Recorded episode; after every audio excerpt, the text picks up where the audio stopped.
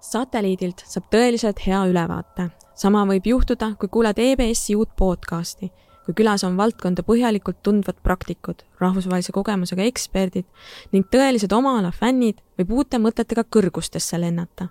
eneseareng ei ole vaid sprint ja koolis käimine, see on elukestev õpe. EBS-i podcast'e juhib majandusajakirjanik Siiri Liiva. saateid saab kuulata nii Apple podcastides, Spotify's kui ka Youtube'i kanalis Heigo Kaldra töötab kahe tuhande neljandast aastast Manpower tegevjuhina.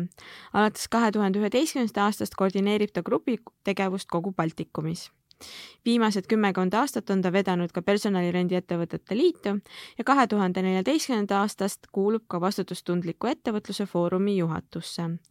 Heigo usub, et aktiivne kaasamõtlemine tööturu teemadel on hädavajalik Eesti senise eduloo jätkamiseks meie teine tänane külaline Signe Lass on Helmes Grupi talendijuht.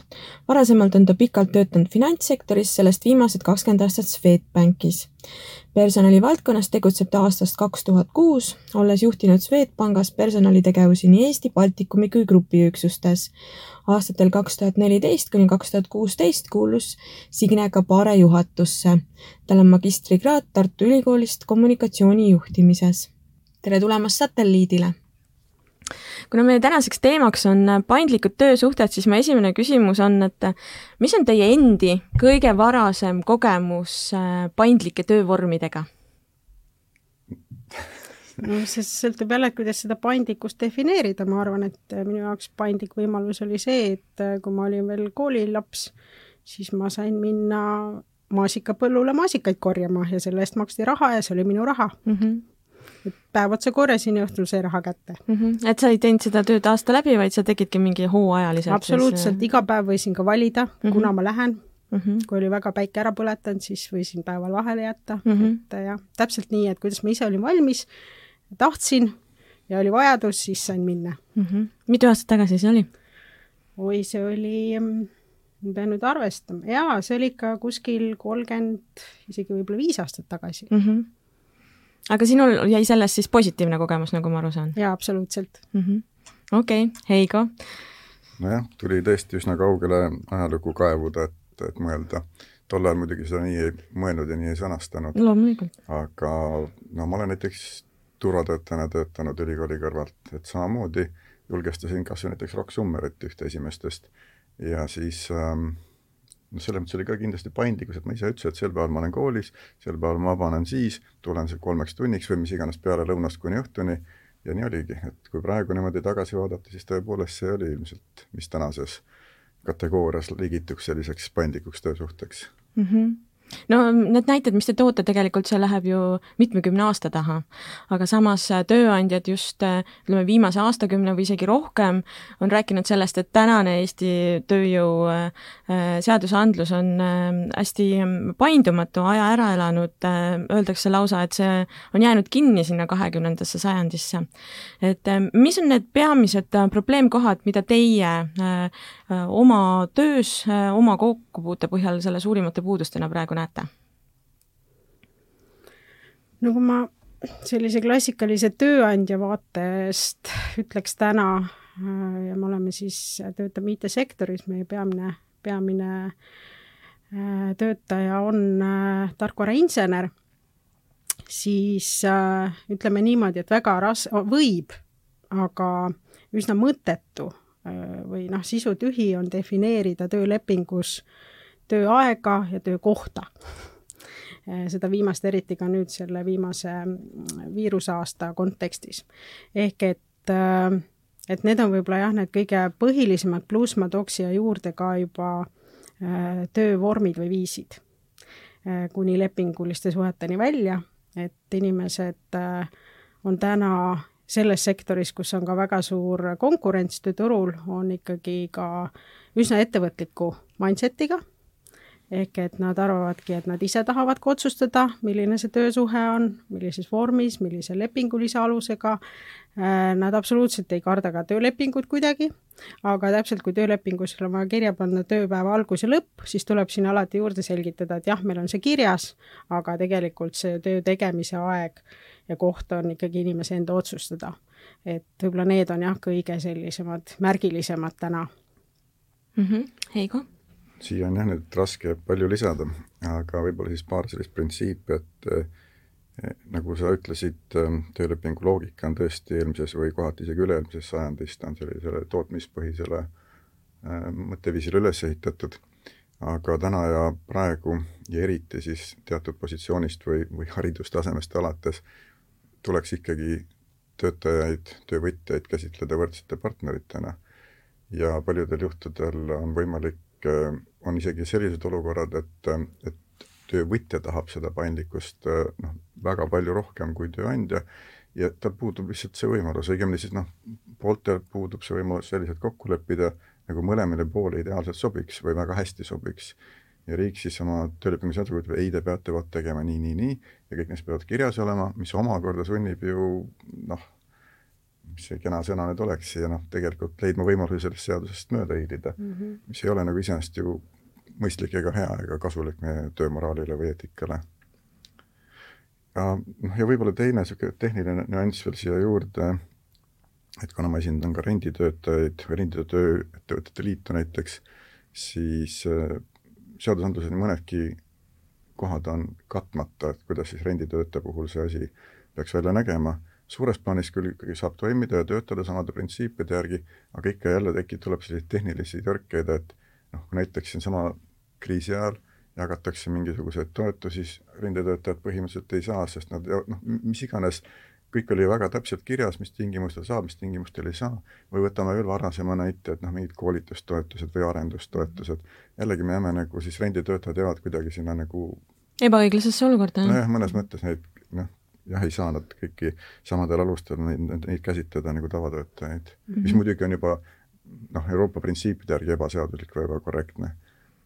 aga noh, ma ütlen, seda põhimõtteliselt on vähehaaval ka üritatud kohendada, nii et noh, töö, töö käib mm. -hmm no e, erinevaid niisuguseid äh, paindlikkust äh, võimaldavaid äh, praktikaid siiski on hakatud Eesti ettevõtetes rakendama, noh, nii palju, kui see tänane töölepingu seadus võimaldab.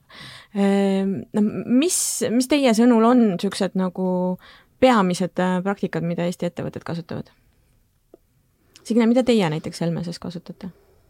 noh, me põhimõtteliselt olemegi öelnud, et et et noh, meil on nagu töötamise seisukohalt kaks olulist elementi. see, mida inimene ise teeb ja kuidas ta teeb ja kuidas talle sobib seda teha, kuidas ta oma tulemuse parimal viisil teeb, ja teine on siis tiimi perspektiiv ehk et meeskonna perspektiiv. ja meil on mõlemad olulised, sest me töötame tarkvarameeskondadega. ja, ja mida me olemegi soovitanud, on jah see, et, et see on siis nagu iga töötaja juhi ja iga tiimi sisene kokkulepe, kus siis lepitaksegi kokku see, et millal, millal on need ühistööajad, millal on ideaaltööajad, mida selleks vaja on, kas tullakse kokku ja nii edasi, et selline hästi noh, nii-öelda kokkuleppepõhine, mida noh, ka loomulikult tööseadus ju näeb ette, et, et sa võidki, ei pea kõike kirja panema, aga selge on see, et neid kokkuleppeid on vaja ka pidevalt korrigeerida vajadusel. ja siis on ikkagi mingid asjad, mis peavad olema töölepingus kirjas et, et jah, et siis me lihtsalt püüame nii-öelda nende lisakokkulepete või täiendavate kokkulepetega seda tööd kenasti nagu ikkagi organiseerida nii, nagu inimestele sobib ja kliendile ka mm. -hmm. kui palju teie kasutate kaugtööd? no me ikkagi, noh, me oleme õnneks sellises sektoris, kus me saame teha kaugtööd ja põhimõtteliselt meil on löödud, loodud siis eelmisest kevadest kõigile töötajatele topelt individuaalsed töökohad ka koju, läksime seda teed äh, et me viisimegi siis nii-öelda, lõime selle ergonoomilise töökoha, et me ei äh, eraldanud mingisugust summat, et inimene ise vaatab, vaid on tõesti ikkagi korrektsed liigutatavad toolid, korrektsed või lauad ja, ja, ja toolid ja siis kõik kuvarid ja muu, mis siis nagu IT-töö juurde käib. aga noh, näiteks jällegi, et ka selle töökoha loomisel äh, Äh, selline väike asi nagu internetiühendus, mis selle töö puhul on tegelikult väga kriitiline, kuni selleni välja, et et see, mis sul kodutarbimises on okei okay,, siis töö tegemiseks on sul võib-olla vaja suuremaid kiirusi või suuremat jõudlust, seda enam, et kui sul on veel terve pere ka kuskil Zoom ides teeb koolitükke, et siis näiteks selle lisakulu äh, kompenseerimine äh, oli noh, selle jaoks tegelikult selline mõistlik, efektiivne raamistik tööandjale puudus. et siis pidasime ilusti läbirääkimisi Maksuametiga, et kuidas seda mõistlikul viisil teha, aga noh, jällegi, et ma näen, et see ei olnud ühekordne, et me rääkisime sellisest ühekordsest asjast, aga tegelikult oleks vaja seda ju lahendust pikaajaliselt, et kus sul ongi kombineeritud töö vahel kodus, vahel tööl mm. -hmm. Heigo, kui palju paindlikkust äh, võim-, on üldse võimalik renditööettevõtetel äh, kasutada Eestis? nii just mõtlesin selle peale pingsalt, et et kuigi suures plaanis jällegi väga sarnaseid äh, lahendusi leiame ja otsime mm -hmm. oma mhm. töötajatele, oma büroo töötajatele, aga tõepoolest renditöö puhul äh, kliendid ju tihtipeale dikteerivad meile tingimusi mm -hmm. ja kuna meie kliendid on, tähendab enamik maailma suurimaid ettevõtteid kasutab meie teenuseid ühel või teisel moel, sealjuures nende kohalikud esindused, siis äh, tihtipeale on jah, meile väga, väga rangelt ette antud, mis jälle omakorda teeb kogu need paindlikud lahendused nagu meie jaoks veel nagu sellise veel pool kraadi kangemaks või, või keerulisemaks, et alati, et leida see lahendus ja mm -hmm. ka mhm. tihtipeale ongi nii, et puhtpraktikas me maksame lihtsalt kinni selle vahe, siis selles mõttes, et kui, kui klient ütleb, et tal on vaja niimoodi teha, Eesti seadusele täpselt ei võimalda, jah, me üritame kokku leppida, selles mõttes täiesti noh, absoluutselt eetiliselt, siiralt, ausalt, mõlemal pool, eks ole, kõik sobib, et kuidas seda tööd teha mm, -hmm. et sellised on noh, see, on see töö, mida mul teile anda, ütleb klient, eks ole, sellisel kujul, sellises mahus, selliste tingimustega ja me siis üritame ja lepime samamoodi kokku töövõtjaga mm, -hmm. aga et kui siis peaks mingil põhjusel ikkagi äh, hiljem äh, töötaja otsustama, et ei, et ikkagi ta tahab äh, täpselt seaduse järgi, siis paraku juhtub tihti nii, et äh, seaduses väga selgelt see kirjas ei ole ja nii mõnigi advokaadibüroo ütleb, et ärge vaielge, et makske kinni ja, ja kõigil kergem ja lihtsam. et jah, see ei ole nagu alati meeldiv, aga aga sealt omakorda siis tuleb välja see, et tegelikult me seadused ei ole piisavalt mhm. paindlikud mm, -hmm. isegi kui meil töölepingu seaduses on seal seletuskirjas need võimalused ja, ja noh, nii-öelda see suuliselt kokku leppida ja kõik muu, siis veel kord ma ütlen, kui läheb asi hapuks, mis iganes põhjusel mm, -hmm. noh, siis need lisakokkulepped ja lisaselgitused tihtipeale ei pea. Eks see sõltub ka alati või tihti siis ilmselt töövaidluskomisjonist, et kui mm edumeelsed ja moodsad inimesed seal on, aga, aga alati noh, ilmselt on nii-öelda lollikindlam võtta seadus, jätta need kommentaarid kõrvale, öelda mm, -hmm. et mhm. aga täpselt nii on kirjas ja nii tuleb teha mm. -hmm. nii et selles mõttes jah, et veel kord ma kaldun arvama, et kuigi ja hinnates ja kogu seda tööd, mida meie tublid ametnikud teevad, seda asja nagu paindlikumaks muutes mm -hmm. ja mhm. tehniliselt üle vaadates, siis siiski äh, seal ei ole seda piisavalt, seda kokkuleppe paindlikkust ei ole piisavalt või seda kindlust, et kui sa lepid midagi kokku teistmoodi, kuigi mõlemad osapooled on selles noh, tõesti tahavad niimoodi kokku leppida, et siis sellist nagu kindlust selle kokkuleppe jaoks ei ole, et Signe? üks asi, mis, mis tuli meelde just, mis ju tuli tegelikult viimase tööseaduse muudatusega, on siis, kuidas reguleeriti täht, tähtajalist tööd ja tegelikult see on selline hea näide, mis ei hakanud tööle nii nagu, nii nagu ta võiks hakata, et ühelt poolt ta oligi ju toodud selleks, et oleks suurem paindlikkus, aga noh, kas või selline lihtne nüanss, et, et kui sa oled mingis tähtaegas kunagi kokku leppinud, et siis sa mitte mingil juhul ei saa seda muuta, ehk et sa pead maksma siis selle töö tasustama kuni selle esimese, esimesena kokku lepitud tähtaja lõpuni ükskõik, mis vahepeal võib juhtuda, et jällegi noh, väga raske, sisuliselt jällegi võimatu on teatud juhtudel seda lepinguvormi kasutada, et, äh, et sellised nüansid jah, on, on kõik nagu elus välja tulnud, et mis teevad tegelikult mõlemale osapoolele need lepingud siis nagu keeruliseks ka, ka töötajale, kes peab siis nagu noh, igal juhul, eks ole, äh, selle, selle tähtajani oma kohustusi täitma, et et jah, et ühelt poolt on nagu, mis on hea, et on tahetud luua neid eri vorme, aga jah, et täna need vormid ikkagi tunduvad, et on ka siis ülereguleeritud või mingid nüansid ikkagi ei võimalda neid sihtotstarbeliselt, ütleme nii, kasutada. no täiesti nõus jah, see tähtajaline leping on jällegi, ma ei taha mingit emotsionaalset hinnangut siin anda, aga no ta ei, ta ei tööta mm. -hmm. see saab ainult mingi riigiettevõtteline asutus olla või, või noh, ma ei tea, võib-olla, võib-olla mõni ülikool, kellel on mingid fondid ette antud ja grandid ja ka aga ettevõtja puhul on see ikkagi niivõrd riskantne, niivõrd keeruline, et seda enam, et noh, me kõik teame ju tegelikult, et maailm, töömaailm sealjuures muutub nagu kiirenevas tempos mm -hmm. ja need mhm. muutused lihtsalt noh, need on nii paratamatud viimane aasta on seda väga hästi näidanud no,, eks ole. et siin on see tähtajaline leping on, me praktiliselt ei kasuta seda, isegi kui klient väga nõuab mm, Mhm. -hmm. ütleb, et noh, mul on vaja seda või noh, et me nii teeme, me ütleme Mhm. mm, -hmm. aga me ei saa seda riski võtta Mm mm. -hmm. -hmm. et sa praegu arvad, et nii läheb, aga kui päriselt nii ei lähe, siis me maksame tähtaja lõpuni, et see on hullumeelsus. Mhm. ja siis me omakorda peame võtma, eks ole, sellise noh, tähtajatu lepingu, tähtajatu lepinguga seotud kulud mm, Mhm. -hmm. kuigi võib-olla see projekt on suhteliselt lühiajaline Lühia- et tegelikult see ei, ta ei vasta selle töö sisu. Absoluutselt, jah. Mhm.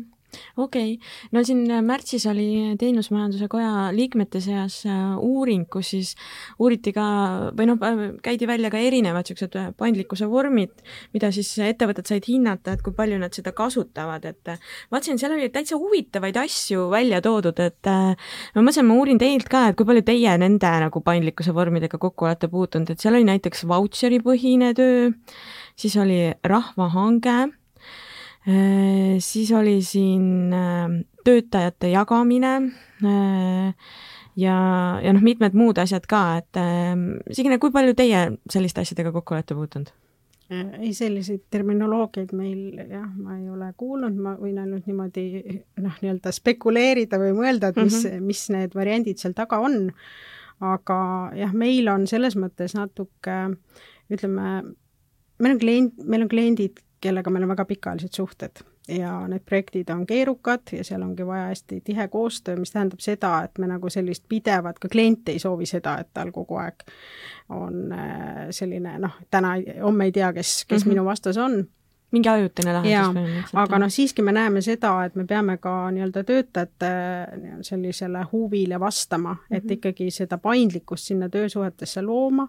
ma juba mainisin, et mis meil on, siis on ikkagi see, et inimesed, kes noh, ütleme allhankijate kasutamine, mis on siis puhtalt sellised võlaõiguslikud suhted, tööettevõtud, et kõik need kombinatsioonid tegelikult ongi kasutusel sellepärast, et, et töö tegija defineerib -hmm. millises vormis ta soovib töötada, mis on talle kõige sobivam ja noh, me näeme, et tegelikult selle saab, saab ka sobima panna mm. -hmm. Heigo, kui palju äh, sina oled kokku puutunud vautšeri põhise tööga? no nende mõistetega me oleme kokku puutunud jah, me samamoodi Teenusmajanduskojas tööturu ja hariduse töögrupis tegime päris põhjaliku analüüsi mõned aastad tagasi, selleks, et aru saada, mis võimalused üldse on ja kuhu see maailm liigub mm -hmm. ja millised need paindlikud töövormid on. see oli küll pigem selline abi või tugimaterjal ministeeriumi töötajatele, et, et noh, mis üldse nagu variante oleks. ja aga praktikas muidugi me kasutame neid mõnda üksikut nendest, sellepärast et ega needsama terminoloogilised erisused päriselus ei ole nagu nii suured vahed seal selles töötamise vormis, et kui sul on ikkagi, ja pigem nad tulenevadki erinevate riikide seadusandlusest, et kus on midagi lubatud või kus on midagi noh, kokku lepitud, et teeme seda niimoodi. aga, aga mis kindlasti on selline universaalsem printsiip ja globaalne trend, on see, et seesama töötaja jagamine, mis tähendab põhimõtteliselt seda, et noh, tehakse mingisugune pool või kokkulepe erinevate ettevõtjate, tööandjate vahel ja siis see töötaja käib ja teeb erinevaid töö, noh, nimetame siis ampsudeks või juppedeks või lõikudeks. ja, ja samamoodi noh, teine, sama asi siis natuke teise nurga alt on siis see, et ikkagi ühel inimesel on kindlasti rohkem kui üks tööandja. et see on nagu jällegi sellistes paindliku tööturuga riikides äh, USA või Suurbritannia või, või ka Prantsusmaa, et seal on see, erinevad uuringud näitavad, siin McKinsey uuringud, meie enda Manpower uuringud, et et see, see protsent on juba kakskümmend, kolmkümmend, nelikümmend, et kes, kes siis osutavad nagu oma tööd või teenust nagu mitmele tööandjale. ja noh, sealt, ja ma ütlengi siis seesama, on see siis vautšeri põhine või mis iganes, et noh, see sõltub siis juba ilmselt pigem rohkem kohalikust seadusandlusest, et kuidas, kuidas seda nimetatakse mm. -hmm no kui rääkida siin teiste riikide praktikast, et äh, Heigo, ma saan aru, et sina kuulud sinna renditööettevõtete liitu ja kindlasti sa oled kursis sellega, et kuidas see tööseadusandlus mujal riikides on äh, reguleeritud, et äh, oskad sa tuua mingeid häid näiteid, kus see paindlikkus on väga hästi äh, seadusandlusesse sisse integreeritud?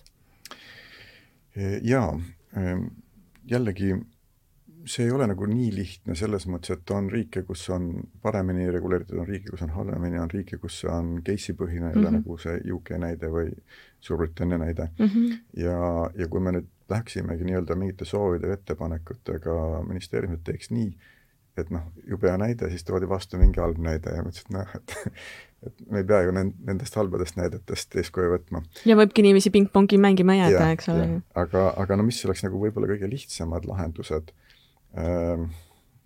seadusandluses, siis näiteks see, et rendiettevõtetele antakse lisapaindlikkust, aga pannakse peale ka lisakohustusi.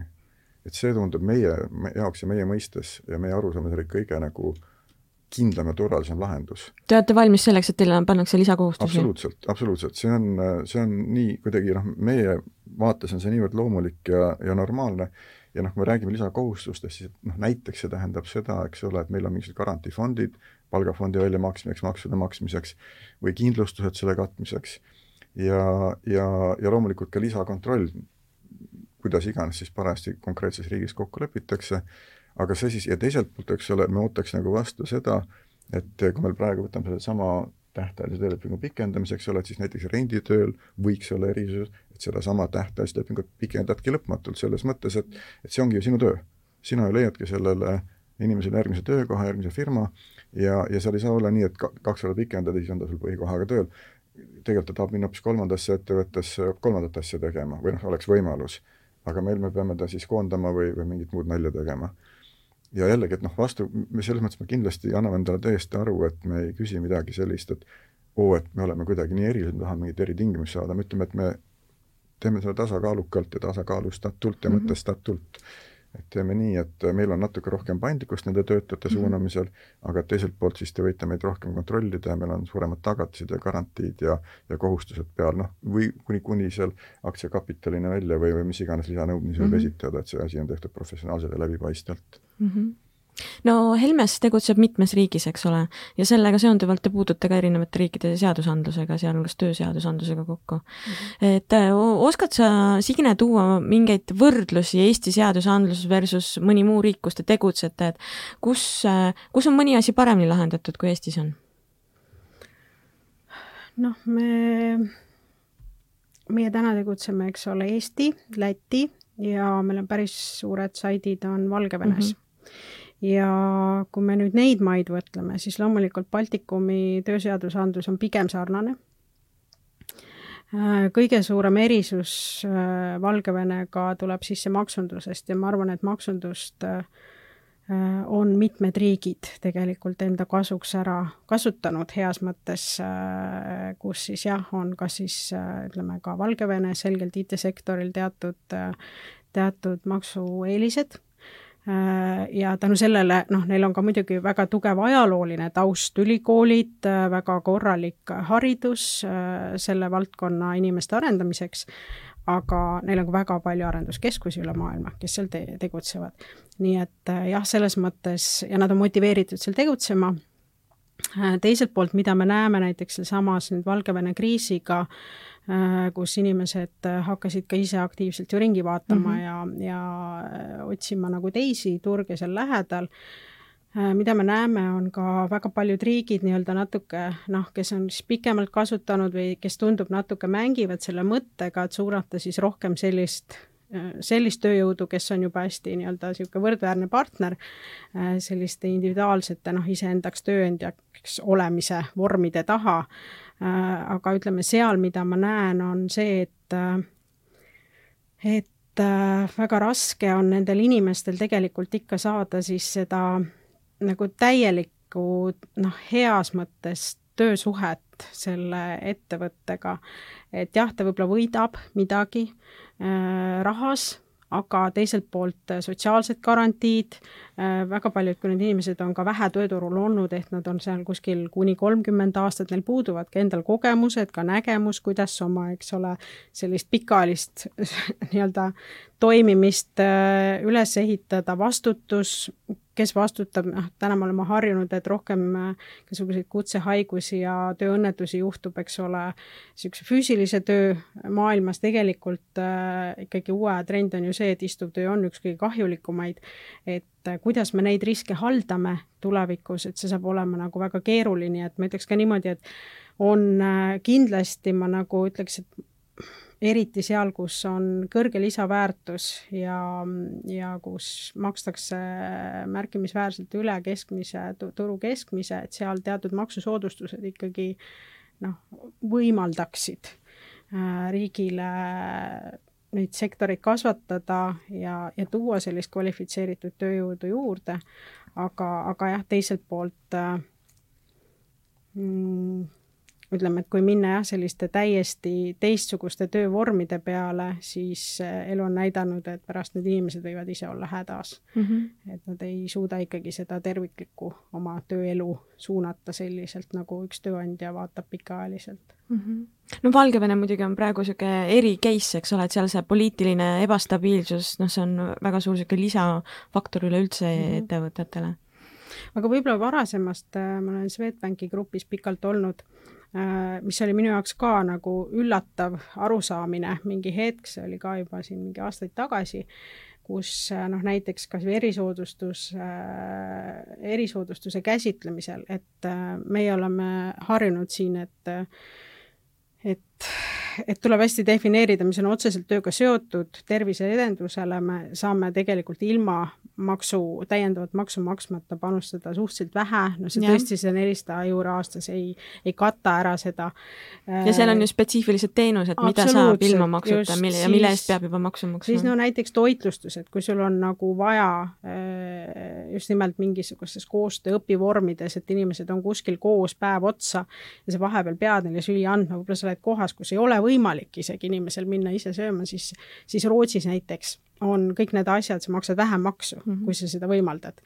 Äh, või see, et mingite noh, nii-öelda probleemidega tegelemine, tegelemine, näiteks sõltuvushaigused on pigem tööandja kohustus tegeleda ennetusega, meie puhul jällegi on see, pigem nähakse seda, kui et see on erisoodustus mm, -hmm. kui mhm. ma seal Äh, töötajale midagi, noh, aitan teda sellega tegeleda, nii et, et jah, neid kohti, kus nagu jah, teiste riikidega koostöös töötades, kus sa nagu tabad ära ennast mingisugustelt ebaloogilistelt asjadelt mm -hmm. või mhm. võimalustelt, mida me ei ole ära kasutanud, et neid on. päris palju, nagu ma aru saan. nii, Heigo? jaa, kui siit tagantpoolt äh, kinni võtta sellest jutu järjest, siis see, see on tõesti kurb ja piinlik, et me, meie riik siis äh, paneb erisoodustusmaksu peale nendele asjadele, mida me teeme töötaja heaks mm. -hmm. ja selleks, et töötajat hoida ja motiveerida. jah, eks jällegi väiksed erandid on ja mingis osas makstakse kinni transporti ja mingis osas vist hakati ka nüüd seda majutust maksma, aga kui me võtame noh, reaalsed hinnad ja eriti Tallinnas, siis see lihtsalt ei kata nagu mingit noh, mingil juhulgi nagu seda kulu ja jällegi siis selles mõttes lihtsamad tööd jäävad, ma ei tea, kuidas neid üldse tehakse, või õigemini siis kasutatakse ilmselt erinevaid töövorme ja eks see on ka tegelikult probleem ja eks ta kaudselt tulenebki sellest, et tööseadusandlus ei ole mm. piisavalt paindlik. ja noh, kuni selleni välja tõesti, et või alates sellest, et tuuakse neid kolmandatest riikidest kodanikke mingis, mingite skeemidega ja lõpetades sellega, et lihtsalt tootmises töötavad inimesed, kes on rendiettevõtte poolt saadetud sinna töövõtulepinguga ja jällegi on konkurentsieelis, mis poleks nagu korrektne, aga, aga kui sul nii-öelda on keeruline, eks siis jällegi inimesed otsivad lahendusi. aga kui küsimus oli tegelikult, sa alustasid sellest, kuidas teistes riikides, ega mul on ka Läti, Leedu on üsna niimoodi lähedal äh, ja ja ongi huvitav, et tegelikult kõigis kolmes riigis on seadusandluslikult see erinevalt lahendatud, Leedus on omaette seadus, Eestis on äh, põhimõtteliselt kõik läheb ühe seaduse alla üksikute selliste tehniliste eranditega. Leedus on siis renditööjõudu puudutav erandi seadus? ja, ja siis, ja Läti on üldse huvitav selles mõttes, et seal on mõned seadused omavahel vastuolus lausa, et üks seadus ütleb ühte, teine teist, mis puudutab renditööd või sellist mm -hmm. natuke keerulisemaid töövorme. nii et jah, niisugune, meil siinsamas lähedal on väga, väga erinevaid nagu viise ja või võtame näiteks Soome veel kõrvale siis jah, Soomes saab, eks ole, kuludesse kanda need asjad, mida see mhm. töötaja hüva, mm -hmm. hüva, hüva, hüvanguks, meil on see äh, maksustatav, topeltmaksustatav ja, ja kuigi Soomes on näiteks ka ametiühingutega mingid kokkulepped, eks ole, siis teistpidi on seal jälle seda lisapaindlikkust nendes kokkulepetes mm -hmm. sees, mis on jällegi huvitav, eks ole. nii et jah, aga kui nüüd kohe hüpata nagu lahenduse peale, siis ega tegelikult lahendus on see, et tuleb ikkagi ettevõtjaid ja selle ala nagu spetsialiste rohkem kaasata nende seaduste väljatöötamisse mm. -hmm. meid on kaasatud, meid on kutsutud, aga, aga noh, ikkagi ma ütlen, et pigem sellised nagu väike, väga väikeste sammudega liigume nagu selles paindlikkuse suunas mm. -hmm. et võiks nagu oluliselt kiiremini ja jõulisemalt mm. -hmm no üks asi, mis siiski on tehtud ja mis siin viimase aasta kulminatsioonis on äh, nagu kuhugi liikunud, on siis äh, muutuvtunni äh, arvestuse peatne sisseviimine töölepingu seadusesse, et mis siis hakkab äh, noh, kõigepealt niisuguse nagu testperioodi jooksul kaubandus- ja teenindussektoris äh, äh, kehtima. mis teie sellest sammust arvate? Äh, ja kas selle oleks pidanud kohe alguses äh, üle kõikide sektorite laiendama? no minu seisukoht on jah, et äh, liiga hilja ja liiga vähe mm. -hmm. aga noh, niimoodi natuke liialt noh, humoorikalt öeldes, et, et väga head tehakse, tõesti hea. ja kas kohe ja kõigile mm,? No pigem jah, selles mõttes, et ma laiendaks selle kogu teenussektori peale mm. -hmm võib-olla tõesti ei oleks vaja siis noh, tootmine on tootmine kellast mm -hmm. kellani, aga, aga miks mitte seda kogu teenussektoris rakendada näiteks ja muidugi seal on ikkagi jällegi need piirangud endiselt peal, eks ole, ikkagi väga ettevaatlikult seda tehakse.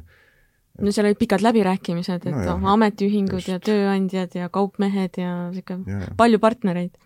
aga üks selline mõte, mis äh, ka varem mitmel, mitmel korral tööandjate poolt vähemalt on läbi käinud, et, et miks peaks tunni, noh, et ütleme, lepime kokku, ma ei tea, kakskümmend viis tundi nädalas, ja siis ma tahan teha kahekümne kuuenda tunni, et miks see peab nagu ületunnitasuga minema mm. -hmm. see tegelikult ei ole väga terve loogika nagu, et eh, jah, seal võiks olla mingid, jällegi, kui me tahame hirmsasti kokku leppida, siis las see tund, mis on kuni normtundideni mm, -hmm. olla siis natuke kallim, aga miks ta peab nagu kaks korda kallim olema või selles mõttes ületunnitasuga mm -hmm. minema.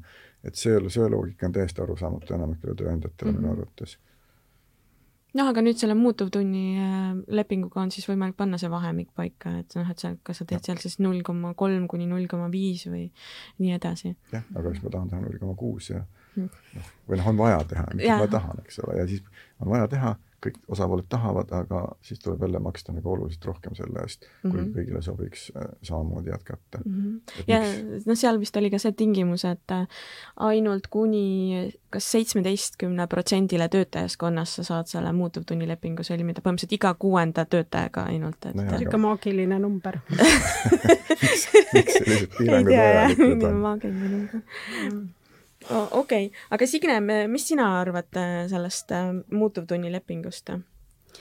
noh, meie üldjuhul äh, väga tunnipõhiselt ei töötanud, nagu ma ütlesin, et meil on, meil ikkagi pikaajalised kliendid ja valdavalt noh, kui meil on projekt, siis me teeme mm -hmm. ja kui keegi tahab seal pro-, noh, ütleme, et täna meie saame selle osakoormuse loogikaga enam-vähem, ma usun, enamus asju ära lahendada mm, -hmm. aga noh, kindlasti on, on olukordi, kus tõesti äh, kus tõesti ongi see, et mõni kuu on võib-olla vaja töötada sada protsenti mhm. koormusest ja mõni kuu minu pärast kolmkümmend protsenti, et kuidas, et noh, et kuidas seda siis mugavalt lahendada, et see võiks ju olla tegelikult kahe osapoole kokkulepe mm -hmm. siis aga, aga jah, samas näiteks nende normturnide koha pealt ma tahaks küll öelda, et et seda on siiski vaja mm, -hmm. sest praegu, mida me näeme, et pigem on ka probleem selles, et inimesed tõesti kipuvadki, et noh, seda töö ja tööelu nagu äh, kuidagi piiritleda äh,, kui see töö toimub, eriti just nagu ka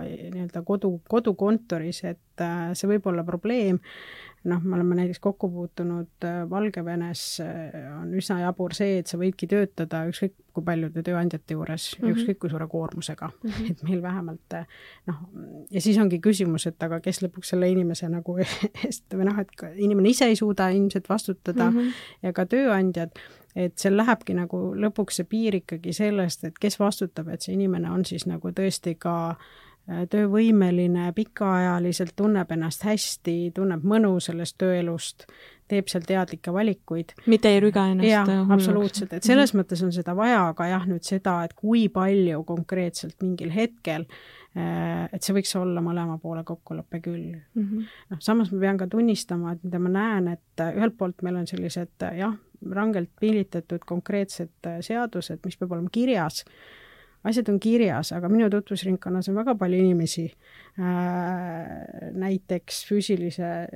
tööga seotud sektoritest, kes pole elus näinud ega käinud töötervishoiuarsti juures ma küsiks, et aga miks need asjad meil ei toimi mm. -hmm. et, et võib-olla ka mõelda selle peale, et, et ongi noh, nii-öelda natukene polariseerunud võib-olla see tööturg jah, selles mõttes, et on teatud sektoris, kus tõesti siiamaani olekski vaja töötajat kaitsta või kus selline ka tööandja eetika äh, ei ole ikkagi sellel tasemel ja jätkusuutlik ja, ja siis on sektorid, kes noh, lihtsalt teevad need asjad linnukese pärast ära Äh, aga, aga jah, see nagu ei loo väärtust või see tekitab pigem siis sellist lisasekeldamist, noh, meil on hea näide sellest, et me paneme ka kenasti lõunaaja kirja äh, ja siis meil üks töötaja ütleski, et aga ta ei tahaks nagu noh, täpselt, et see kellaaeg oleks, ma ütlesin, et valime ise, vali ise.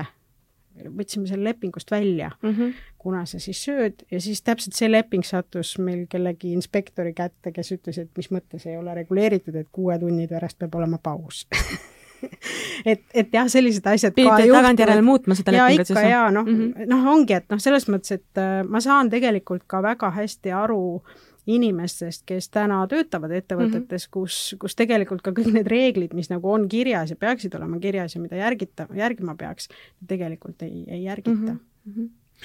No, jah, selles mõttes nõus, et ega normtundidest tuleb kinni pidada, me rääkisimegi, eks ole, sellest, mis sinna kõvasti alla jääb. aga üleüldse ma olen kahtlemata selline vägagi paindlikkuse pooldaja igas mõttes, igas, igal tasandil, ükskõik, kas me teeme seda ärielus, eraelus, looduses, igal pool on, võidab see, kes on paindlikum, eks ole, ja jääb ellu nii-öelda. ja üleüldse noh, jällegi, kui meie sektorist nagu suures plaanis vaadata, siis äh, meil on, valitseb selline kindel usk ja veendumus, et mida rohkem on paindlikkust tööturul, seda rohkem tegelikult summa summarum tööd tehakse, ehk siis kõik mm -hmm.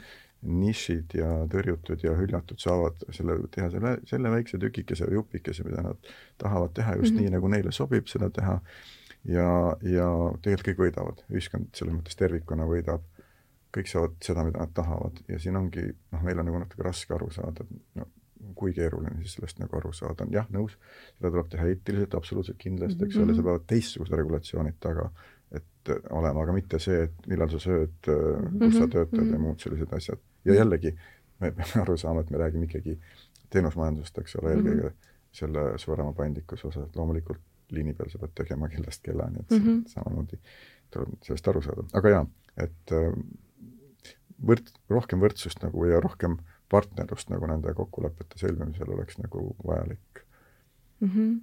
no siit on juba läbi käinud, et äh, mis on need sektorid või valdkonnad, mis vajaksid äh, oluliselt paindlikumaid äh, töösuhete regulatsiooni ja, ja noh, on ka vihjeid sellele, et kus see võib-olla nagu ei toimiks.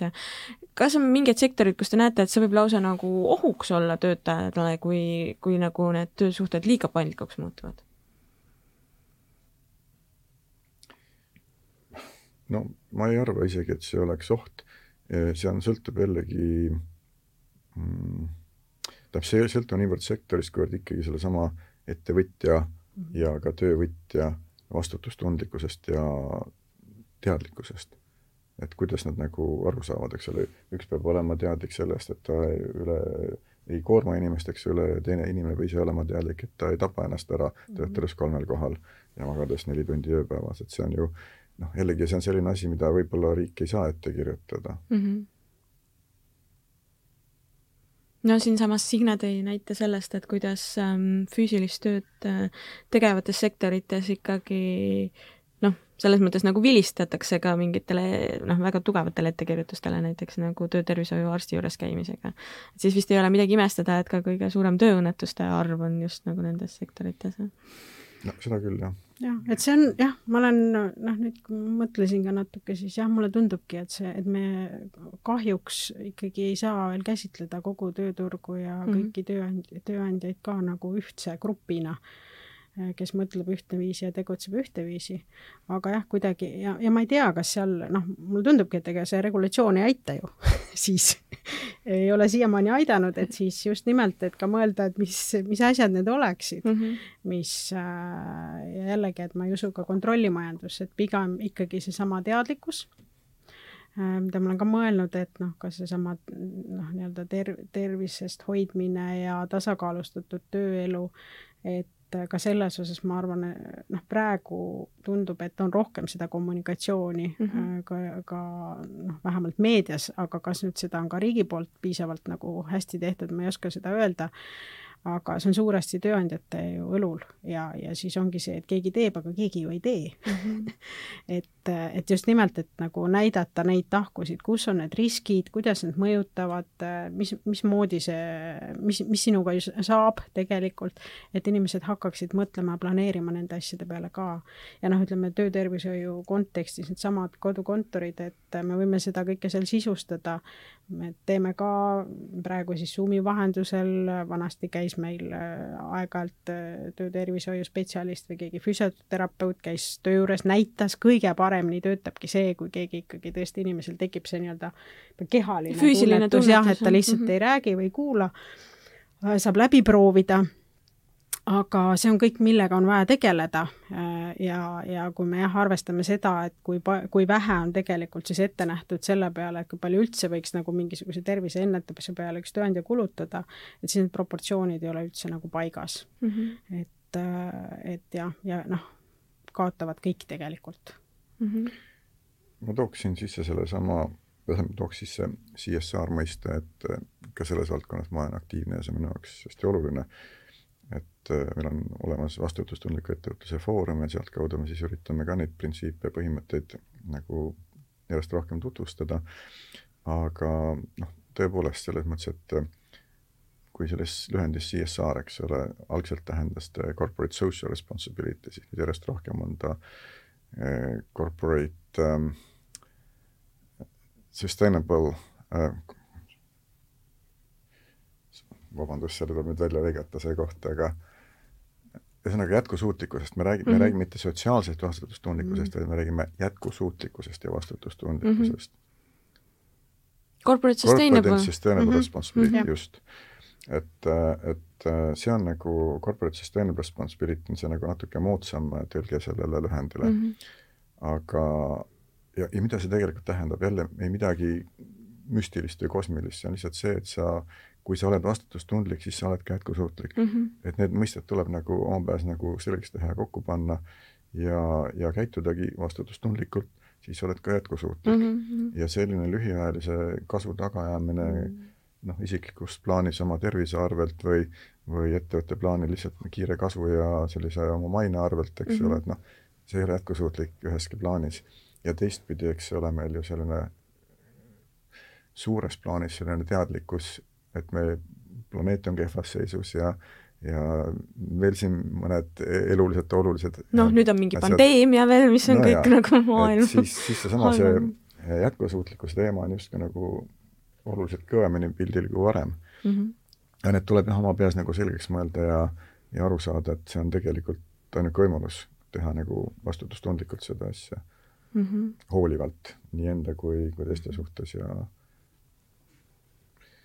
siis oleks nagu lootust mm. -hmm no äh, Signe tõi siin välja, et väga palju tegelikult on ikkagi praegu töö, ähm, tööandjate õlule pandud, et äh, noh, oleme ausad, ka seesama testprojekt, äh, mis nüüd siis kaubandus-teenindussektoris järgmised kaks aastat kestab, et see on ka tegelikult ju noh, samamoodi tööandjate veetud initsiatiiv, et see oli nagu puhtalt nende, nende nagu algatus, et mis te arvate, kuhu suunas siin töölepingu seadus lähiaastatel aastatel muutuma hakkab ja, ja kui, kui suureks selle nagu muutmise eh, surve just tööandjate poolt eh, kasvada võib?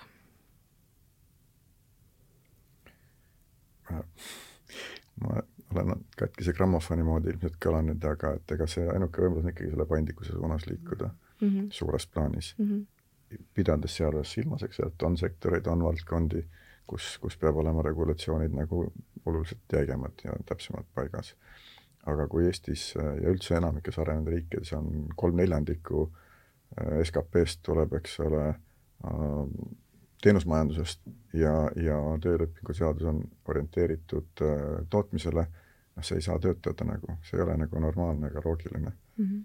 nii et ma ennustan ikkagi, et seda paindlikkust tuleb juurde mm. -hmm. ja ka töö, tööandjate ja ka tööandjate surve sellele kasvab mm. -hmm jah, ma olen nõus, et just nendel erinevatel ka tööviisidele või ka lepingulistele alustele, et noh, need on just need, mis vajaksid võib-olla nagu täiustamist või siis ka täpselt äh, võib-olla mingeid asju siiski võib-olla peakski teatud sektorite või töö iseloomust lähtuvalt reguleerima mm, -hmm. et ma, me siin räägime sajandite kontekstis, et ma huvi pärast vaatasin äh, Peter Drucker, kes oli siis eelmise sajandi päris suur juhtimismõtleja, siis tema tegelikult äh, raamat, mille ta andis välja tuhat üheksasada üheksakümmend üheksa, ta siis oli juba väga eakas professor mm. -hmm. ja tegelikult tema rääkis seal ka väga selgelt äh, tulevikus, see raamat ongi siis kahekümne esimese sajandi juhtimise väljakutsed äh, ja ta rääkis siis nii-öelda teadmustöötajatest mm. -hmm ja ta tõigi suure vahe, et kui me räägime nagu füüsilise töö, nii-öelda töö tegemisest, siis seal töö ise defineerib mm -hmm. väga mhm. selgelt ära, kuidas seda tööd peab tegema või saab teha. aga teadmustöötaja puhul ei saa seda reguleerida, sest ta saab teha nagu noh, miljarditel erinevatel viisidel mm, -hmm. just. ja, ja tegelikult kõik need teemad on olnud juba noh, nüüd siis juba, eks ole, kakskümmend aastat mm äh, nii-öelda teada, aga jah, ei ole järgi tulnud see ikkagi see regul-, reg-, regulatsioonid sellele, et kuidas sellega siis nagu arvestada. ja, ja noh, kindlasti ütleme, need sektorid, kus on äh, tööjõu konkurents hästi suur, noh, ongi IT-sektoris me leiame mingisugused lahendused ja töötajad ei, ei pea ise olema väga kinni lepingutes ja ka meie, et, et noh, ei saagi olla, sest pigem on töötaja see, kes defineerib. Et palju on siis usalduse baasil ja niisuguse suusõnaliste kokkulepete baasil? aga kindlasti on sektorid, kelle jaokski ongi see ka te-, teenuse puhul ikkagi täiesti pärssiv, selline, selline regulatsioon, noh kõik, kus on vaja siis piiritleda mingisuguseid vahetustega tööd, valveaegu, kõik sellised erijuhtumid, et nendega ma olen ka varem kokku puutunud, et siis jah, siis on tõesti seal nagu ime imekeeruline ka neid kuni selleni välja, et neid tööaja graafikuid ja kõiki neid asju kuidagi nagu valemitesse panna nii, et nagu nad täidaks kõiki neid kriteeriumeid, mis kuskil on ja ikkagi töö saaks ka tehtud ja oleks mõistlik nii, nagu töö, töötajale ka sobib mm. -hmm veel võib-olla suurest pildist üks äh, väga oluline nüanss siia juurde tuua on see, et ega tegelikult meil ei ole ju valikutki kui me jätkame sellist jäika ja klassikalist joont, siis me lihtsalt äh, jääme maha mm. -hmm. suured ettevõtted ei tule Eestisse, Eesti ettevõtted, edukamad Eesti ettevõtted lähevad Eestist mm -hmm. ära, lähevad sinna, kus on parem, kus on paindlikumad töösud, kus on rohkem tööjõudu võimalik saada, kus tööjõud ei ole nii kõrgelt maksustatud.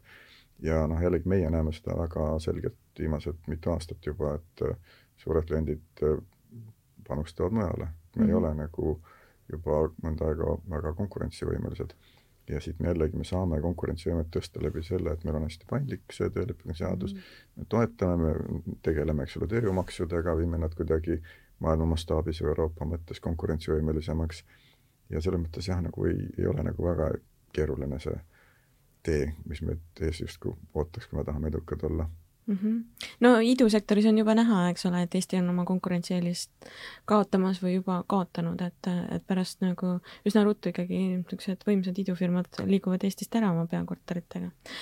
aga kui nüüd äh, mõelda lahenduste ja mõelda tuleviku peale, et kui te, kui te mõtleksite mingi niisuguse nagu ideaalversiooni peale Eesti niisugusest äh, äh, töölepingu seadusandlusest, et äh, mis võiks viie aasta pärast olla muutunud? või isegi varem, võib-olla kolme aasta pärast? mul on selline tunne, et äh, seadusandja võiks üldse natuke mõelda, et äh, mismoodi peab asju reguleerima mm. -hmm. et äh, ka noh, ütleme, kui me võtame selliste suurte korporatsioonide näite, või ka see, noh, mida me ise oleme näiteks äh, Helmeses, kui me siit grupina kasvame väljapoole, mida me oleme mõelnud, et just nimelt, et me ei tahagi väga täpselt midagi kirja panna, meil väga paljusid asju ei ole kirjas. kui vaja, siis me räägime nendest asjadest, aga äh, samas on selge, et äh, mingid asjad peavad olema kirjas, aga need võib-olla peavad olema rohkem printsiibid ehk et mitte öelda, kuidas teha, vaid just, et mis on selle asja eesmärk. Ja läbi nende eesmärkide siis suunata nagu ma ei tea, siis kõiki turuosalisi või eelkõige siis ka tööandjaid mõtlema õigetele asjadele, et praegu on jah nii, et sul on nagu konkreetsed juhised, mida sa, kuidas sa ühte või teist asja pead nagu siis reguleerima lepingu tasandil, aga tegelikult ega leping ei tee ju tööd, tööd teeb ikkagi inimene mm -hmm. ja kõik need protsessid, mis sellega noh, nii-öelda mis asjad leiavad töö, tööd tehes, et üldse mõelda, mida peab regulee-, regu-, jah, see regulatsioon mm -hmm. sisaldama. ja võib-olla see annabki seda paindlikkust nagu juurde, et me ei pea ütlema täpselt asjade kohta, kuidas, aga me peaks ütlema, mis on see eesmärk rohkem mm. -hmm. või soovitud tulem või, või jah mm, -hmm. et põhiprintsiibid mm. -hmm. ma kohe räägin põhiprintsiipidest ka, aga näiteks sealsamas, äh, tähendab renditöötajate liidus me oleme, meil on üks viisteist punkti välja kirjutatud mm, -hmm. mis mhm. tuleks nagu ära muuta. mõni on see on päris palju. ja noh, mõni on selline hästi väike tehniline nüanss, mõni on selline noh, põhimõtteline printsiip mm -hmm. nagu mhm. seesama litsentseerimine näiteks. et me vist oleme ka ainuke majandussektor, mis ütleb, et litsentseerige meid, kontrollige meid, eks. noh, natuke naljakas või kummaline võib-olla, aga tegelikult see aitaks korrastada tööturgu mm. -hmm aga suurt, suurest plaanist nagu rääkides jällegi jah, kindlasti peaks olema seda, natuke läheb kordamiseks, aga et äh, võrdsust ja paindlik, noh, paindlikkust niikuinii, aga et võrdsust nagu, et partnerid on võrdsed, töövõtja ja tööandja on võrdne, et seni, kuni me arvame, et ikkagi sellele vaesele töövõtjale tehakse kohutaval kombel liiga ja jätame sinna erinevad äh, tagauksed sisse, mille kaudu nagu öelda, et ma ei saanud täpselt aru, kuhu ma alla kirjutasin mm, -hmm. no see ei ole nagu väga okei okay. mm. -hmm. Ja ma isegi ei räägi siin, jätame siin mingid poliitilised vaated ja maailmavaated kõrvale, siis tegelikult jällegi see on selles mõttes globaalne trend, et et töövõtja dikteerib tingimusi mm. -hmm juba mõnda aega mm. -hmm. ja kui siin enne, oli jutt sellest teadmustöötajatest, eks ole, jällegi, et mida kõrgemal tasemel see inimene on, noh, intellektuaalsel või mis iganes võimekuselt, seda rohkem on tal võimalusi eh, ka neid tingimusi dikteerida ja, ja kokku leppida. ja siis nagu juba jällegi seadusega ette näha, et ei, et sa oled noh, tegelikult eh, see, mis sa kokku lepid, on selline noh, nii just in case, igaks juhuks, et et tegelikult seadus ütleb, kuidas sa pead tööd tegema, see ei ole, see ei ole lihtsalt nagu normaalne. ja jällegi, kindlasti on teatud sektorid, kus peavad regulatsioonid olema paigas ja täpsemad. aga et seda võrdsust tahaks selles mõttes kindlasti rohkem näha mm. -hmm. ja kui natuke sealt nii-öelda operatiivsemale tasandile tulla, siis kindlasti needsamad tööjõumaksud. Eestil ei ole mingeid meeletuid äh, muid varasid kui inimesed ja nende ajude loovus. nii et ikkagi, kui meil on ühed kõrgemad tööjõumaksud, siis sellega tuleb kiiremas korras midagi ette mhm. võtta mm. -hmm ja, ja sealt noh, saab jälle allapoole tulla veel tehnilisemaks, noh, kas või seesama sotsiaalmaksu lagi, mida millegipärast hirmsasti kardetakse, aga mis aitaks tuua nagu tipptalente Eestisse, eks ole. sellest on väga pikalt räägitud ka. hoida neid siin. aga hoida neid siin või seesama peakontorite teema, kui nüüd mm -hmm. tänane koalitsioon on öelnud, et et Eesti võiks olla see peakontorite maa, no kuidas sa neid saja või kahesaja tuhande või, või poole miljonilise palgaga inimesi siia tood mm, -hmm. eks ole, et seal peaks, oleks väga mõistlik see mm -hmm. sotsiaalmaksulagi näiteks kehtestada, keegi ei kaotaks sellest midagi mm. -hmm. ja noh, ja nii edasi, eks ole, seal neid detaile võib siit noppida mm -hmm. veel ja veel. lepingute üks mõte, mis mul veel tuli, et need erinevad lepingutüübid, et noh, ka täna, mida me näeme, et et kui me võimaldame seda, et inimene ise ütleb, et kuidas, millises vormis seda tööd teha, samas ongi, kui nüüd, ta on ikkagi meie kollektiivi liige sellel ajal, kui ta ju seda tööd teeb. Ja nüüd, kui me räägime siis mingisugusest ühistegevusest, koolitamisest oli siin ka juttu juba, ükskõik noh, sellest, mida me teeme kogu kollektiivile, siis järsku me neid ei saa käsitleda või noh, ongi rendisuhted on ju, me ei saa neid järsku enam käsitleda nagu siis selle kollektiivi liikmena, et võib-olla see oleks ka selline soov, et kuidagi saaks selle nii-öelda lepingusuhte natuke neutraalsemaks sellest, et mida tööandja teeb oma siis selle kollektiivi jaoks, kes, kes tema jaoks siis kliendile teenust osutavad. Vahet pole, mis lepingu all. jah, absoluutselt mm, -hmm. et mhm. jällegi seesama paindlikkus et mitte ainult töö tegemise suhtes, aga nende vormide suhtes ka, et et just nimelt, et mida rohkem ju seda tööd tehakse, seda, seda suuremat lisaväärtust kõigi jaoks tekib, nii töötegijatele, tööandjale, kliendile kui ka ühiskonnale tervikuna mm. -hmm. ma ühe sellise provokatiivse mõtte või teema tooks veel, see on see koodi teema mm. -hmm. Välistööjõu koodi. välistööjõu kvoot mm -hmm. jah. kindlasti on seal ka teatud loogika ja põhjused, aga, aga see lahendus on hästi halb selles mõttes, et no aasta esimestel päevadel saab see kvoot täis. jaa. ja noh, muidugi ma ütlen veel, et seal võib mõelda täpselt, et mis tingimused sinna seada sellele välistööjõule, see kvoot on lihtsalt ülimalt primitiivne ja noh, pisut nagu mõttetu piirang. selles mõttes, et tegelikult ju ikkagi kõik arenenud riigid võitlevad tööjõu pärast ja võistlevad tööjõu pärast. Neil on programmid selleks, kui palju nad tahavad inimesi teatud sektorisse juurde tuua, et see areneks. nii et selles mõttes jällegi see vaatenurk või lähtekoht on vale ja ma ütlen, see provokatiivsus seisneb siin selles, et meil võiks olla kvoot, palju me tahame mingit noh, mingeid tipptegijaid Eestisse tuua või tippspetsialiste. hoopis vastupidine kvoot siis veel? kvoot võiks olla mm -hmm.. okei okay. ähm,. Ähm, mis võiks viie aasta pärast olla muutunud äh, selles osas, et äh, kui palju töö tegemine on asukohaga seotud? no see on juba muutunud, eks, mhm. jällegi noh, antud juhul välise mõjuri jah, täpselt, aga selles mõttes, et jällegi erinevad uuringud, rahvusvahelised uuringud, meie uuringud, McKinsey, kõik ütlevad, et et see endine aeg ei tule kunagi tagasi mm. -hmm. väga suur osa, noh, see protsendid natuke kõiguvad, eks ole, turu ja kultuuri lõikes, aga ikkagi noh, hästi robustselt ütleme, et vähemalt kolmandik eh, tahakski töötada kodust teine kolmandik äh, pendeldaks töö ja kodu vahel talle sobival viisil ja ajal ja siis võib-olla kolmandik või vähem veel oleks valmis siis nagu regulaarselt tööl käima. pigem oli see protsent veel väiksem, eks ole mm. -hmm. aga praegu on lihtsalt hästi mm -hmm. robustselt nagu väljendudes.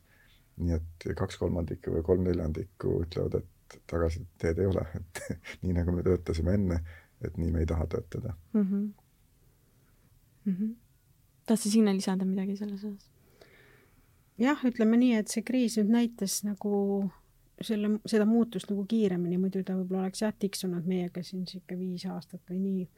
aga jällegi, et noh, ma, et ega see paindlikkus või kohanemisvõime näitabki ju elujõulisust, et et ma arvangi, et praegu oleks mõistlik ja tark sellega kohaneda mm, -hmm. et just, et seal on selged võidud inimese jaoks mm,, seal on ka riskid inimese jaoks, et neid nagu läbi mõelda, mhm. teadvustada mm, -hmm aga, aga jah, meil, meil tõesti ei ole vahet, loomulikult kõiki töid jällegi vahel töö defineerib, kus seda tegema mm -hmm. peab aga seda, mida saab teha, eriti kui selles töös on ka just suur sendi, selline individuaalse töö mm -hmm. osakaal, siis äh, ma ei näe nagu mitte mingisugust põhjust, et seda kuidagi ette defineerida, aga meil on varem olnud inimesi, kes on töötanud kuskil kaugetest riikidest ongi kri-, kõige kriitilisem on siis hea äh, connection.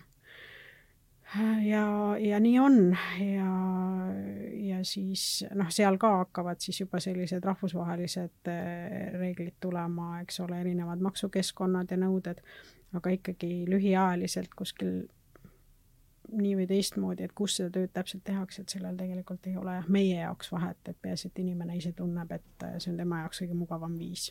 Ja peaasi, et töö on ka tehtud, eks ole? absoluutselt, sest noh, ütleme tulemus tulemust ikkagi saab hinnata iga töö puhul väga selgelt, et mm. -hmm no see on äh, suur ja kompleksne teema, millel võiks veel pikalt ja pikalt peatuda, aga, aga kahjuks meil äh, aeg äh, hakkab väikest viisi otsa saama.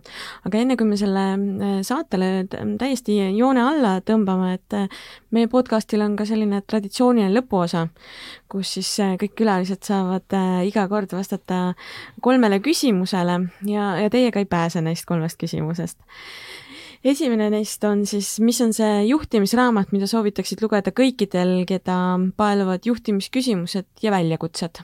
Sirje, alustame sinust ähm noh, meie, mida ma tõesti soovitaks, äh, kui keegi veel ei ole lugenud, sest ma ka jälle üllatuslikult revideerisin oma, oma raamaturiiulit natuke kodus, vaatasin seal ringi ja siis vaatasin kuidagi kõik need raamatud, mis mulle näppu jäid, olid tegelikult, olidki kahe tuhande, või noh, sajandi mm. algusest. aga, aga mida ma tõesti soovitaksin, mida me ise kasutame ka nagu natuke piiblina, on siis äh, kõiki reegleid rikkudes. First Break All the Rules, äh, kes, mis on siis selline ettevõte nagu Gallup, kes on teinud hästi palju juhtimisuuringuid. Ja kus on siis see põhisõnum on tegelikult siis selline positiivne, positiivsete tugevuste äh, positiivsetel tugevustel lähtuv juhtimisloogika, et me ei puud-, püüa mitte inimesi ümber teha, vaid äh, leida üles see, et mis on nende tõelised talendid ja aidata neil neid lihvida ja nende pealt siis teha seda, seda asja, mis neile kõige paremini sobivad. et keskenduda ennekõike tugevustele siis? absoluutselt mm. -hmm. nii, Heiko, mis raamatut sina soovitaksid? ka mina pean klassikute poole pöörduma ja paarkümmend aastat ajas tagasi minema mõtlesin, mis oleks selline noh, võimalikult universaalne soovitus, noh, kindlasti on mingeid atraktiivseid moodsaid äh, teooriaid ka, aga aga, ja ma olen ka neid lugenud mõningaid, aga, aga kõige universaalsem minu jaoks on ikkagi, võiks olla siis siin, nüüd ja praegu, see Daniel Kolemani emotsionaalne intelligentsus ja sotsiaalne intelligentsus, ehk siis ta alguses kirjutas, eks ole, emotsionaalsest intelligentsusest ja nüüd on niisugune mõni tükk maad hiljem siis ka sotsiaalsest. Ja miks see nagu juht, igale juhile ja juhtimist huvitatud inimesele oluline on ikkagi see, et ega noh, Ülo Vooglaid võib-olla vaidleb minuga terminoloogiliselt, aga et me juhime inimesi, ehk siis juhtimine toimub läbi inimeste ja, ja see, kuidas, millised tingimused juht loob, kuidas ta mõistab oma meeskonda, kuidas ta mõistab iseennast, see on nagu kõige alus tegelikult minu arvates, nii et see on selline klassika, mida kindlasti soovitaks kõigile, kes seda ei ole lugenud ja noh, sellel on ka uustrükke ja värskemaid variante, nii et tasub sinna sisse vaadata mm. -hmm. Väga head soovitused. teine küsimus on, mis on see üks soovitus, mida sa alati juhtimise kohta annaksid? Heigo? Äh, selles mõttes ilmselt tuleb samast loogikast lähtuda, et kui soovitus oli selline universaalne, et äh, õigemini see emotsionaalne ja sotsiaalne intelligentsus, siis see äh, endaga pidev süstemaatiline tegelemine, enda pidev süstemaatiline arendamine, enda kontaktis olemine, endaga sellise hea kontakti saavutamine, enda tundmine, jällegi me võime minna väga kaugele ajalukku ja filosoofiasse, eks ole, et kõik algab ikkagi enesest, enda tundmisest, oli see seal Delfi templi peale nii kirjutatud ja mitmed suurmehed seda erinevas sõnastuses öelnud, aga et et juht ei ole see, kes võtab ja teeb kõike ära, juht on see, kes loob tingimused selleks, et äh, meeskond selle tulemuse saavutaks, mis on siis kokku lepitud või eesmärgiks võetud. Nii et jaa, tegele kindlasti iseenda arendamisega ja, ja kui nüüd selline hästi noh, võib-olla hästi tehniline lause siia ja lihtne lause panna siia, et noh, kuula rohkem ja räägi vähem, eks ole, et saa aru, mis toimub äh, ja siis äh, vastavalt sellele siis kujunda oma need tehnikad ja taktikad ja strateegiad mm. -hmm, väga hea Sirje, mis soovituse sina annaksid? Ma mõtlesin ka selle peale, et mida ma olen elu jooksul õppinud, et mida ikkagi üks juht teeb mm, raamatute koha pealt, ma tahaks veel seda öelda, et ära kindlasti loe ühte raamatut. loe hästi palju, loe erinevaid asju. ja, ja siis selle mõtiskluse juures ma jõudsin jah sinna, et tegelikult juht peab hästi palju mõtestama. Äh, mis toimub, miks, kuhu me liigume äh, nii inimeste kontekstis kui äri kontekstis. Äh, ja, ja võib-olla ka hästi oluline on see, et alguses ma mõtlesin mingi visiooni peale, aga tegelikult on see just nimelt valikute tegemine. et mida me siis nüüd teeme ja mida me ei tee. et äh, ja kolmas, võib-olla see kõige tähtsam ja ka see, millele Heigo hästi selgelt viitas, on tegelikult see keskkonna loomine, tõesti mõtlema, et millest see keskkond koosneb. et äh, et äh, noh, ma mäletan ennast ka, kui mul äh, noh, mitte enam algava juhina, mul oli noh, näiteks ük, üks-ühele vestlused, eks ole, töötajate kõigi jaoks oli tund mingi kindla regulaarsusega. täna ma olen avastanud, et mul on mõne inimesega pool tundi ja mõnega poolteist tundi ja mingid erinevad regulaarsused ja see täiesti toimib. ehk et just nimelt, et leida see viis, äh, kus iga indiviidi vajadus tegelikult saab, saab täidetud, et, et just, et selles keskkonnas on hästi palju elemente ja just sinna luua ka seda paindlikkust sisse, et mitte püüda nagu täpselt niimoodi standardiseerida, standardiseerida mingisuguse kindla loogika järgi, vaid olla ise hästi tähelepanelik ja, ja paindlik mm. -hmm no viimane küsimus siia lõppu on niisugune enesesse vaatav, et ähm, mis on see oskus, me, võib-olla juhtimisoskus ei pea olema juhtimisoskus, mis sa tunned, et pead enda juures veel arendama? ja Sirje, jätkame sinuga? Mul jaa, ma mõtlesin selle peale, et äh, et ma ka ikkagi pean tegelema selle keskkonna loomisega ja mul praegu oleks selline hea väljakutse, et ma tahaks sinna luua rohkem inspiratsiooni ja energiat, et võib-olla see on natuke see selle viirusaasta nagu taak, et äh, aga nüüd just, et kui me siin hiljuti mõtlesime, et ohoh, ka üks töötaja on noh, ütleski, et ma olen natuke kinni jooksnud selle teemaga siis ma ütlesin, et äh, mis me teha saame, teeme ühe sellise inspiratsioonipäeva.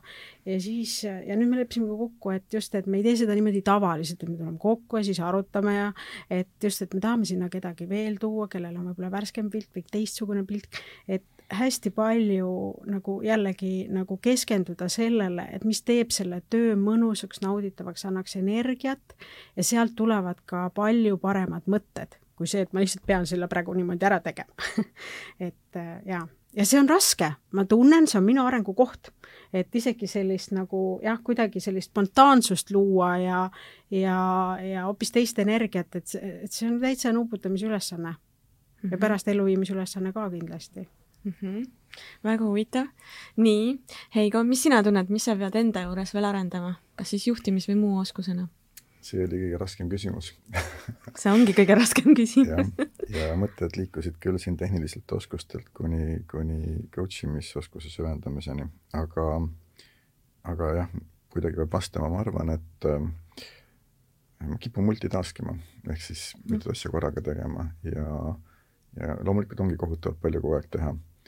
aga kuna see kohalolek on hästi tähtis ja tähelepanelik kohalolek, siis ma pean natuke seda veel harjutama koos siis sellise tagasiside ja edasiside andmisega, sest et jällegi, kui nüüd uurida seda, et mida noh, jällegi erinevaid uuringuid lugeda ja, ja ka juhtimisraamatuid, et mida juhtidelt oodatakse ja mida, mida vaja on, et siis see tagasiside on alati hästi kõrgel kohal.